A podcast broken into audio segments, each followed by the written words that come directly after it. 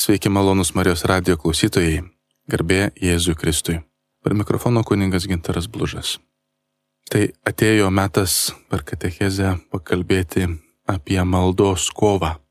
Daug kalbėjom apie maldą mūsų katechezių laidose ir viešpaties maldą analizavome, gilinomės kažkada seniai ir dvasinės ekologijos laidose Bronė Gudaitytė daug kalbėjo apie tėvę mūsų maldą.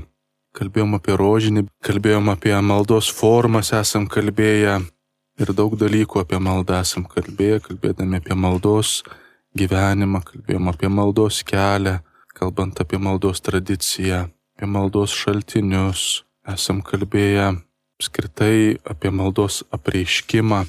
Na, daug dalykų. Turim mokytis melstis, kad būtume Kristaus mokiniai, nes nuo jo atsiskyrę nieko negalim nuveikti. Jėzus sakė, kad nuo manęs atsiskyrę jūs nieko negalite nuveikti, nudžiūsit kaip šakelės. Ir malda mus vienyje su mūsų viešpačiu. Tai yra santykis, tai yra santykio dalykas, vienybės dalykas. Ir tada iš maldos mes einam į gyvenimą, jau įgyvendinti šito santykio vaisius savo gerais darbais, nes esam uždegti Viešpats uždega mūsų širdis. Viešpats mus siunčia, mums davęs malonę, siunčia jo darbus daryti per mūsų rankas, per mūsų visą veikimą. Taigi maldos kova. Reikia kalbėti ir apie maldos kovą. Mes kalbėdami apie maldą vadovaujamės katalikų bažnyčios katekizmu. Jeigu kas norite labiau gilintis, pasiskaityti ar sekti, tai čia katekizme kalbama nuo 2725 numerio. Maldos kova. Manau, kad ne vienam besimeldžiančiam bus naudinga sužinoti, ką bažnyčia sako, ar naujai atrasti štai šioje srityje, nes kiekvienas mes patiriam tą tikrovę, kad čia yra ir kovos aspektas. Nėra tik tai, kad sukalbu puterėlį, kažko paprašau gerojo dievulio ir štai mano maldos gyvenimas. Čia jau jeigu kalbam apie intensyvų maldos gyvenimą, apie tą tikrą maldos gyvenimą, kaip ir Paulius sako, nuolatos melskitės, be paliuvos melskitės. Jėzus sako, būdėkite ir melskitės, kad nepatektumėte į pagundą, dvasia ryštinga, bet kūnas silpnas. Tai nuolatinis santykis su Dievu, tas be paliuvos melstis, tai reiškia, kad neatsitraukit nuo Dievo, nes pražūsit. Nuo Dievo atsitraukęs, kur tu dingsi žmogelį, kaip tam pasakojame, kur brolius Astijus labai gražiai papasakojo, kaip žuvelė plaukioja ir prie jos priplaukia jau senesnė žuvis, didelė žuvis ir klausia, kaip vanduo. Nu, ta žuvelė sako, vanduo, kaip vanduo.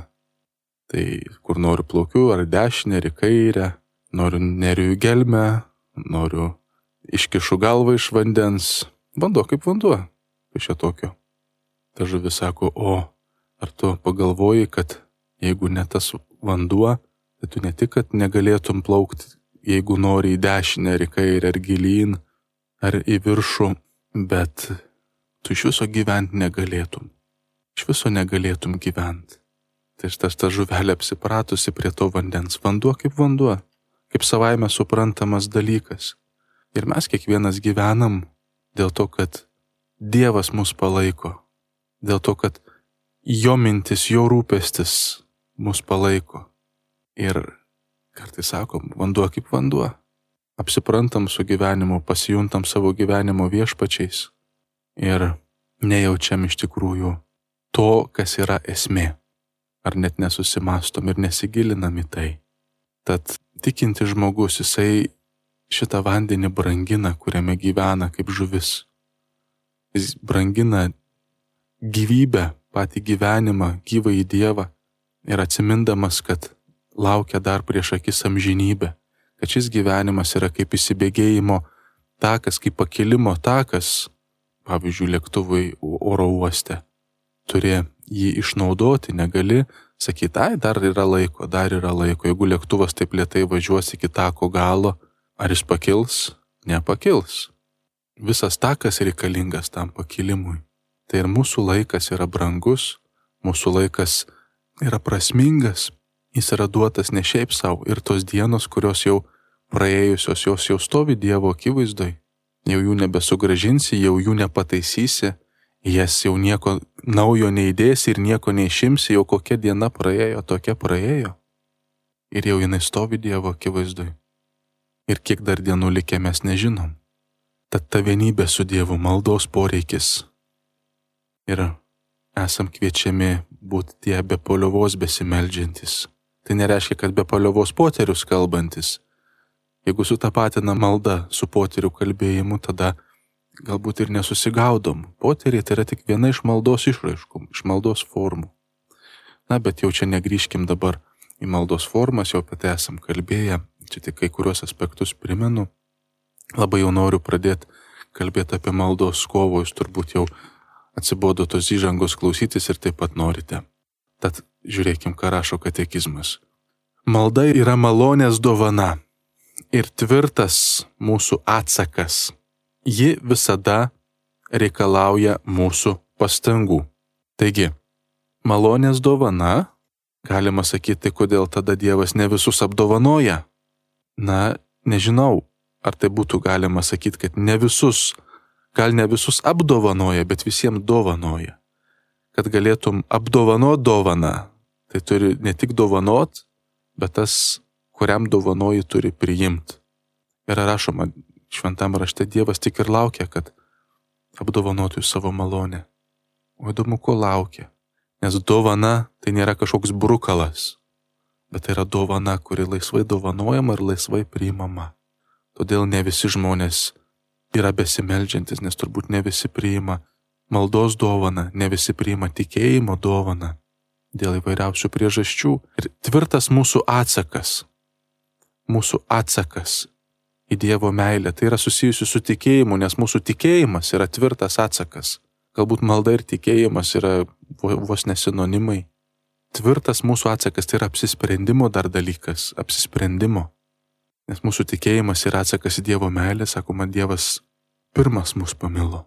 Jis pirmas mus pamilo. Meilė yra ne tai, jog mes mylime Dievą, bet kad Jis mus pamilo. Pirmas. Mums lieka atsiliepti. Žmogus yra ta pasyvioji pusė Dievo akivaizdui. Dievas yra teikiantis, Dievas yra einantis, Dievas yra duodantis. Žmogus yra priimantis, priimantis ir tada jau jisai tampa įgalintų irgi tada duot kitiems. Bet jis Dievui atsiliepia, atsako ir jis yra jau sujudintas Dievo ėjimo link jo. Ji visada reikalauja mūsų pastangų. Na, mes žinom tokį tikintis katalikai tokį pasakymą, kad reikia kasdien atsiversti, kasdienis atsivertimas. Nepasilikim ties tom pačiom savokom, kurių kartais gal net nesuprantam, bet nusikalam tokias frazes ir jomis vadovaujamės, bet vadovaujamės kalbėdami, bet nedarydami apsisprendimus. Tad tas nuolatinis atsivertimas tai ir reiškia tą mūsų ir kasdienę, iš vienos pusės ir tą kasdienę pastanga dėl maldos gyvenimo pastanga. Mes jau esam kalbėję, kad maldai pirmiausia reikia laiko skirti tam atsidėjimui maldai. Ne tik tai, kad nuolat keliam širdis, bet viešpati ir savo gyvenimo būdą taip formuojam pagal jį ir kreipiam savo mintis, bet dar reikalinga ir turėti tą šventą laiką maldai, paskirtą laiką, išskirtą iš kasdienybės.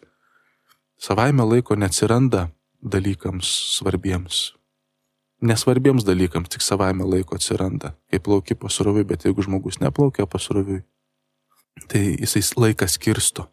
Laiką reikia skirti, kad jo būtų. Tam tikriem dalykam. Tai irgi yra viena iš pastangų. Didieji maldos žmonės, rašoma toliau katekizme, senojoje sandoroje iki Kristaus taip pat Dievo motina ir šventieji draugė su Jėzumi mus moko, kad malda yra kova malda yra kova. Tai yra patirtis senosios sandoros maldos žmonių iki Kristaus, Dievo motinos, šventųjų, Jėzaus. Kaip Jėzus sako, pabudėkit kartu su manim, pasimelskite paštalams. Alyvų sodė. Grįžtate miegas naudžia. Vis dar miegate ir ilsitės. Kelkite Seime. Štai davėjas čia pat. Gana. Taigi malda yra kova. Ir klausimas, kova su kuo? Geras klausimas. Kova su kuo? Na ir čia toliau kalbama. Su savimi pačiais ir su klastinguoju gundytoju, kuris daro viską, kad tik atitrauktų žmogų nuo maldos, nuo vienybės su Dievu. Taigi pirmiau su savimi pačiais, o paskui jau ir su gundytoju. Tai tie du tokie priešai, galima sakyti, jeigu su jais kovojam, tai kaip ir su priešaisgi kovojam, tai kartais aš savo pats toje srityje tampu kliūtimi. Kaip melžiamės taip, kaip gyvename, nes gyvename taip, kaip melžiamės. Kas nenori nuolat gyventi pagal Kristaus dvasę, tas neįpranta melstis jo vardu.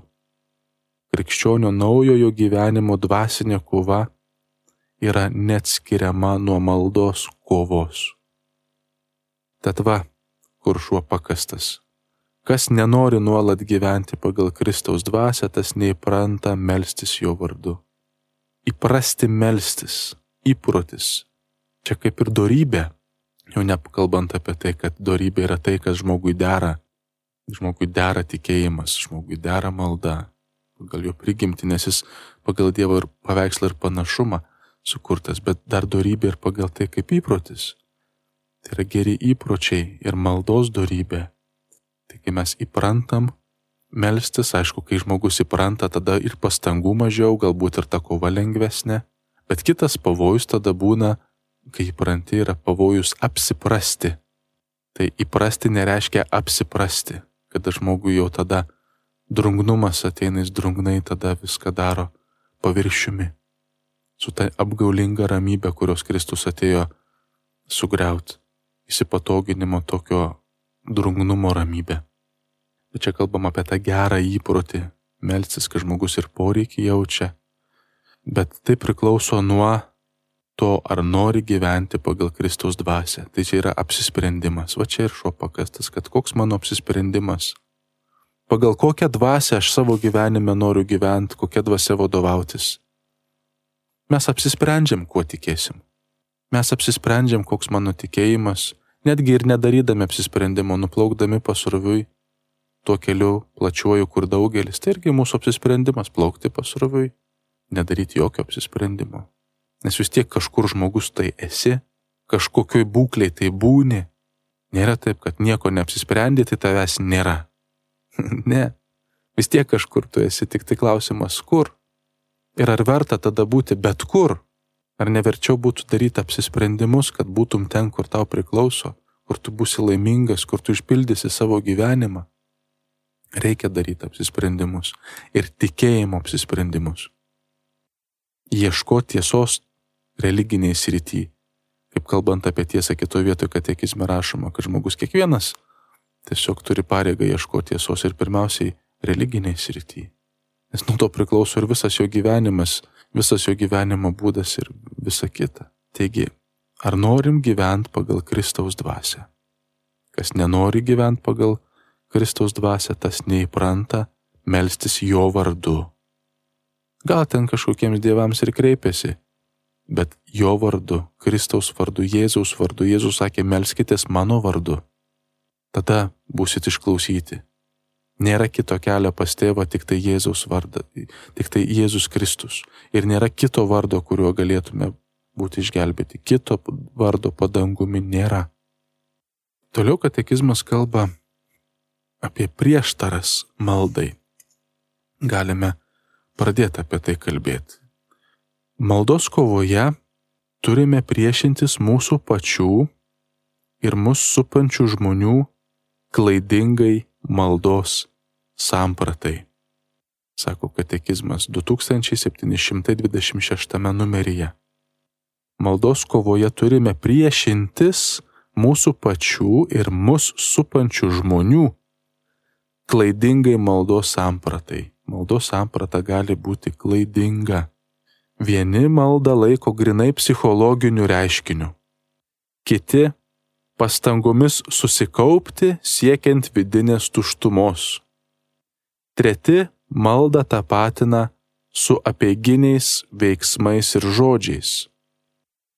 Daugelio krikščionių pasąmonėje malda yra užsiemimas, nederantis su visa, ką jiems reikia daryti. Jie neturi jai laiko. Ieškantieji Dievo malda greitai nusivilia, nes nežino, kad malda kyla ir iš šventosios dvasios, ne vien iš jų pačių. Štai kokių aspektų mums čia duoda katekizmas pamastymui apie klaidingą maldos sampratą. Jau galime kiekvienas tiesiog staptelti ir pažvelgti, kokia mano maldos samprata. Ar nėra štai tų momentų, kaip aš suprantu maldą. Aš gal pakartočiau, kad vieni maldą laiko grinai psichologiniu reiškiniu. Nu, pasimeldi, tau pagerėja, geriau tiesiog nusiraminė ir ne, negalvojama apie santyki su gyvuoju Dievu, apie tą dvasinį ryšį, realų žmogaus ryšį, bet tiesiog, na, žmogus taip įsitikinęs jam tiesiog geriau. Na, pasimeldi, net jeigu ir Dievo nėra, pasimeldi, vis tiek tau geriau, vis tiek tada verta melstis, nes psichologiškai tai naudinga. Tai va, viena iš klaidingų maldos sampratų. Kiti maldą laiko pastangomis susikaupti siekiant vidinės tuštumos. Na, dažnai būna taip, kad negaliu susikaupti bažnyčiui. Aš neįsiu bažnyčią ten, kur daug žmonių, man neišeina susikaupti. Kažkokį tikslą tokį utopinį įsikeliam ir Paskui siekiame neaišku dėl ko, o kam, o kodėl reikia susikaupti. Kodėl reikia tos tuštumos, aišku, maldai reikalingas susikaupimas, bet netoks kaip čia. Ir kas iš tos tuštumos pasiekimo, kas tada ten bus. Apie tuštumą Jėzus kalba vienam palyginime. Kaip piktoji dvasia, išėjusi iš žmogaus klaidžia be vandenėse dykumose, Neradusi vietos, sako, grįšiu iš kur išėjau. Grįžta, randa namus išluotus, išpoštus. Tada susikviečia dar kitas septynias dvasias piktesnės už ją pačią. Ir tam žmogui sako, būna dar blogiau negu pirma. Kodėl? Atrodo švaru, gražu, čia susitvarkiai, išsivalėjai, bet va tuštuma. Graži tuštuma, kurioje nėra Dievo. Negyvena viešpats Kristus tose namuose, todėl piktoji dvasia gali grįžti net su septyniais svečiais dar piktesniais. Už ją tam žmogui darosi dar blogiau. Tad su tos tuštumos siekimu reikia labai būti atsargiems. Treti malda tapatina su apieginiais veiksmais ir žodžiais. Na, atlikti tam tikrus formalumus tarsi. Ir tada mes pasijaučiam geriau, kad atliko, o atliko ypač, kai daug įsipareigojam visokių punktų. Kaip yra gera kai yra sąraše daug punktų dėti kryželius arba barnelės. Štai tą atlikau, tą atlikau, tą atlikau ir koks aš puikus jaučiuosi, kai dienos pabaigoje visi tie punktai užbraukti. Bet ar susitikau su savo viešpačiu? Nėra tikslas užbraukyti tos punktus, kurias esame įsipareigoję. Nors kitas aspektas yra tas ištikimybės aspektas, bet kai lieka vien tai, tai yra tas pats, kas važiuoti keliu tam, kad laikyčiausi kelio ženklų. Juk ne tam leidžiamės į kelią, kad laikytumės kelio ženklų. Kitas momentas daugelio krikščionių pasąmonėje malda yra užsiemimas nederantis su visa, ką jiems reikia daryti. Jie neturi jie laiko. Tiesiog tas atskirimas mūsų dvasinio gyvenimo, krikščioniško gyvenimo nuo mūsų kasdienybės. Nepersmelkia mūsų tikėjimas mūsų kasdienybės, yra kas kita, yra mano kasdienybė ir yra mano dvasinis gyvenimas. Galiu ir namie pasimelst. Galiu. Galiu ir miške pasimelst, bet nesimeldžiu. Tik galiu.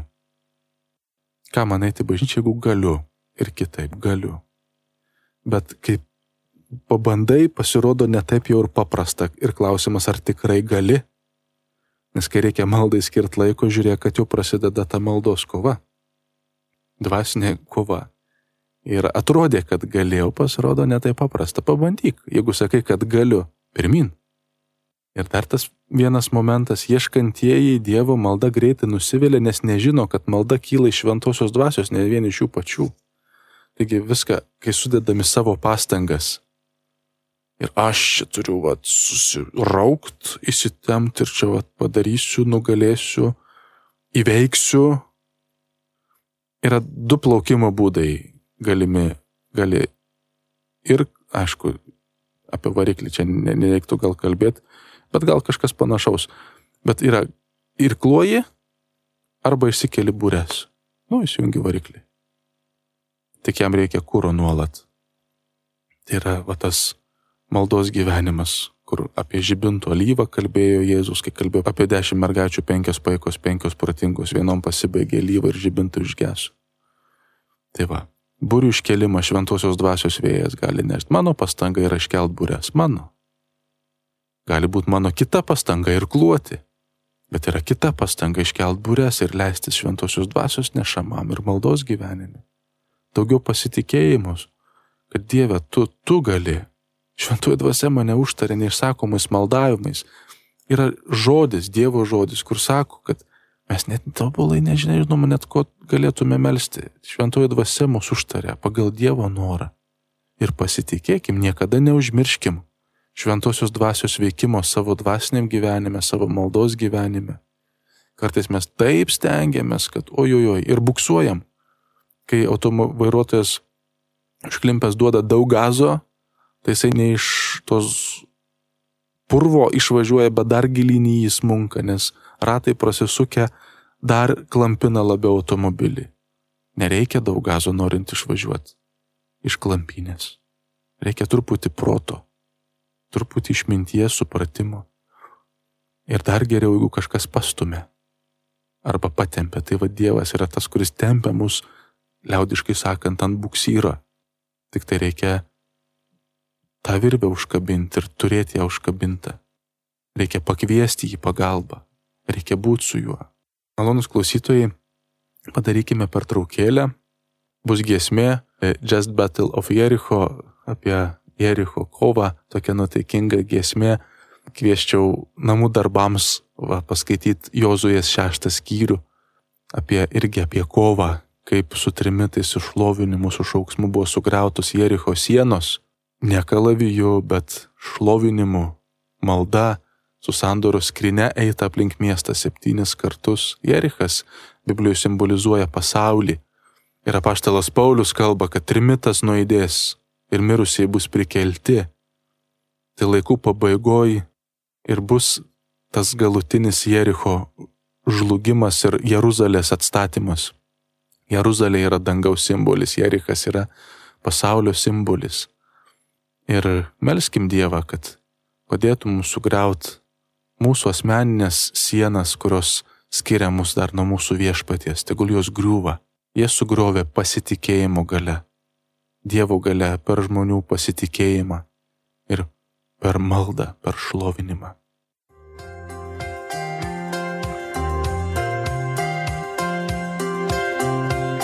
Su jumis Marijos radijas.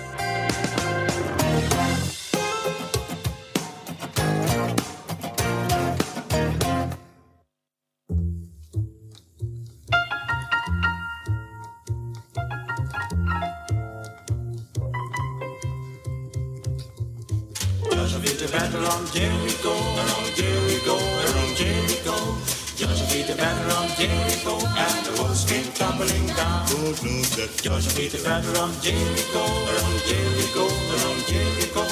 Joshua beat the battle around Jericho, and the walls came tumbling down. Good morning, Sister Mary. Good morning, Brother John. I won't stop and talk with you just to tell you I'm. I know you've heard of Joshua.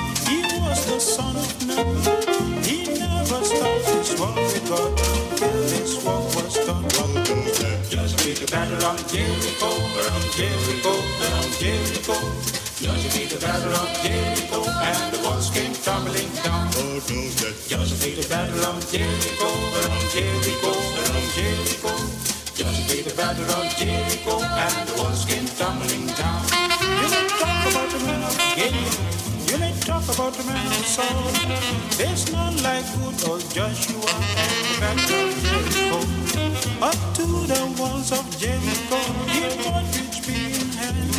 Go blow the lamp for Joshua Christ, cause the battle them begin to go. And Joshua's spell was midnight, twelve feet long. And upon his hip falls double and so his mouth was guns from home.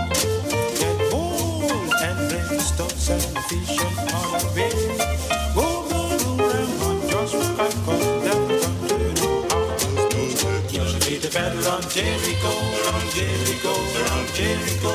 Joshua beat the battle on Jericho, and the walls came tumbling down, and the walls came tumbling down, and the walls came tumbling down, and the walls came tumbling down.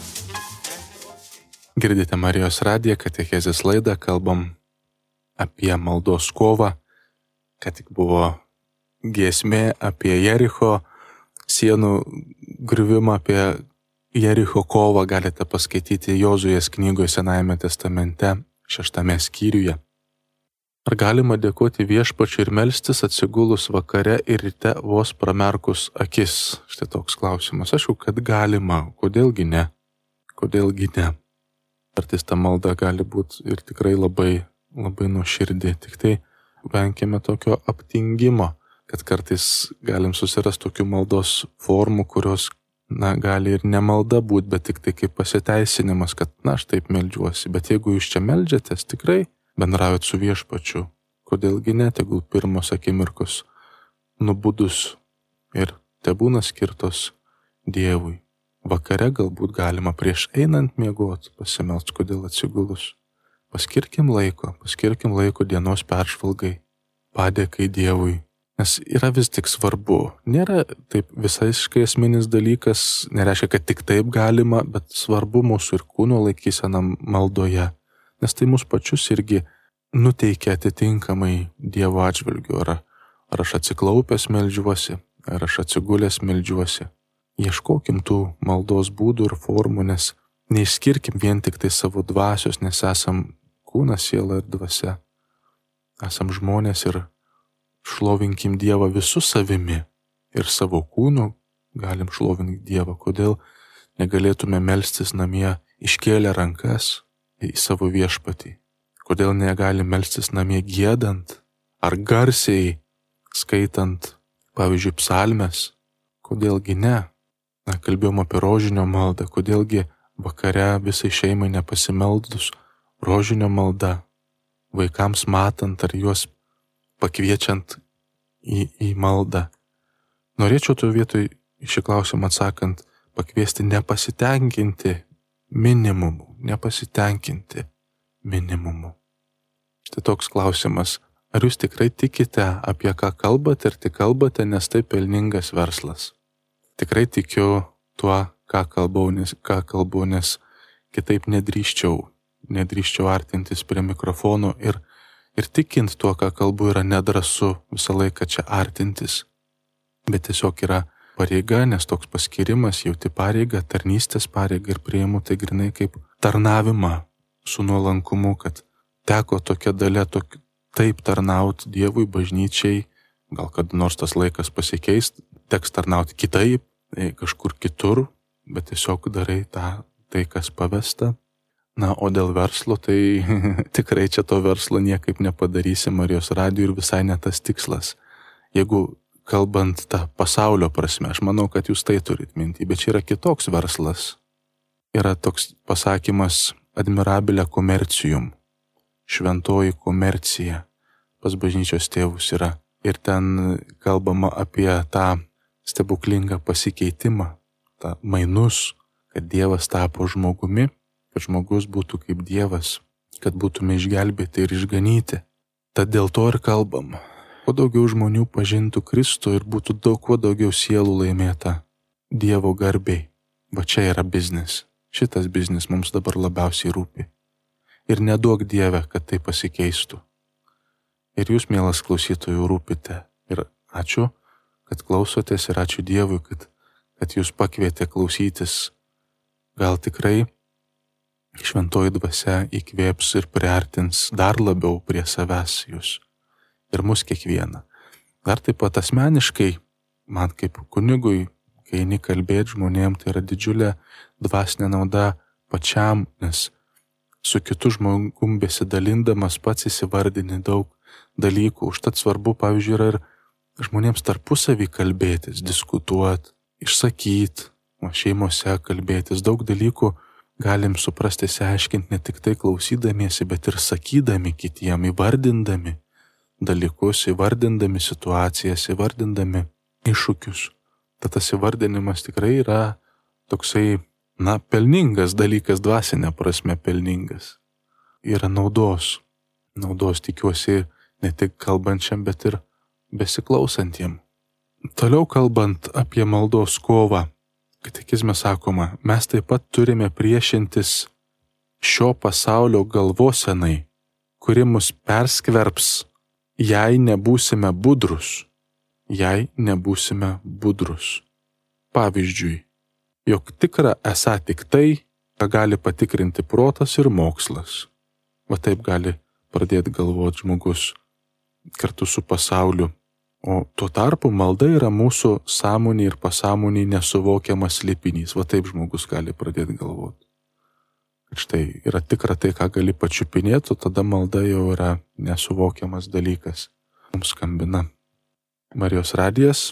Gerbėjas Kristai. Ramžius Amen, kas paskambino ir iš kur? Tadas iš Šiaulių. Prašom, Tadai. Noriu paklausti, aš pas esu sveikas, kiek galima sakyti sveikas, o kaip pat neįgalų žmonės su psichinė negalė, su visokia ten, tas, žinot, protinė negalė, kaip jie savo dvasinį pasaulį ugdo vysto, ar jie yra kažkaip dievo jau palaiminti, ta prasme, nu jie, ta prasme, kurie nesuvokia realybę šiam pasaulyje, taip norėjau paklausti tokį klausimą. Kaip jie vat, savo Mhm. dvasinį pasaulį tvarko, kas ten, ta prasme, kaip, nu, aš nemoku paklausti, teisingai to klausimo, bet Manau, kad kas su suprantu. jūs. rūpinasi, suprantat. Mhm. Ačiū Tadai už klausimą, kuris nėra, nėra toks paprastas atsakymui. Yra tekę bendrauti Kaune, apuolės internate, šilainiuose darbuojantis, dažnai lankydavau tuos vaikelius ir, ir ten ir sakramentams, urdo ir mišes aukodom pas juos. Tai tokia patirtis šiokia tokia yra bendraujant su jais, jinai, e, na, ir tie neįgalų žmonės yra skirtingas tas neįgalumas, bet kai mes sakom neįgalus, žiūrint, kame neįgalus, jeigu žmogus tenai protiškai neįgalus ar fiziškai, bet dažnai jis būna dvasiškai įgal, įgalus. Man tai buvo nuostaba, kaip matai tą jų pajautimą, tiesiog jie turi pajautą Dievo. Net ir mokytojai, auklėtojai stebėdavosi, kaip vaikas, kuris ten užgaulioja visus ir, ir, ir kuniga atėjusi užgaulioja, bet kai šventos mišios ramiausiai prabūna su visų dėmesiu, kažkas atsitinka, Dievas slepiningų būdų veikia ir, ir tas pajūtimas kartais atrodo vaikų sunku išaiškinti, jis nelabai supranta tų maldų visų dalykų ir visa kita, bet šventą komuniją gali priimti, nes turi tą pajūtimą Eucharistijos, kad čia yra Dievas. Kaip jie eina iš pažinties? Įgalus protiškai žmonės taip nesugeba eiti iš pažinties kaip šitie vaikai. Taip tikrai, taip nuoširdžiai ir atskiria, kas yra nuodėmė. Atskiria. Nors atrodo nepasakytum, bet atskiria. Ir aš tikiu, kad Dievas tokiais žmonėmis ypatingai rūpinas, bet ir taip pat per tuos žmonės rūpinas mumis. Labai yra naudinga, žinokit, pabendrauti su tokiais žmonėm, jiems patarnaut, juos aplankyti, kad patys turėtume tą tokį tikresnį vaizdą ir dvasinio pasaulio, ir Dievo meilės vaizdą. Tad taip gal būtų galima atsakyti bendrai, nes kiekvienas atvejis irgi yra atskiras, yra vaikeliai, kurie yra pakrikštėmi, bet jie negali suvokti, pavyzdžiui, Eucharistijos skirtumo, ar čia yra sausainis, ar čia yra Kristaus kūnas. Tai aišku, kad tada šventoji komunija neteikiama, bet ir bažnyčia ir mokina, kad jie tiesiog iš krikšto malonės, jiems pakanka krikšto malonės, Dievas veikia juos ir, ir jie negali padaryti nuodėmę. Žmogus, kai jeigu neturi tam tikro suvokimo, jis yra neįgalus nusidėti. Ir taip dar būna. Bet turi prasme šitų žmonių buvimas mūsų tarpe turi prasme, tik tai juos pamatykim, jiems pabandykim patarnauti kiek nors, jeigu galim, jeigu yra tokių galimybių, gal jų ir paieškokim. Ačiū tadai už klausimą. Malonus klausytojai, jau mūsų katechezės laidos laikas baigėsi. Primenu, kad pradėjom kalbėti apie maldos kovą. Su jumis buvo aš kunigas Gintaras Blužas, likite kartu su Marijos radiju. Garbė Jėzui Kristui.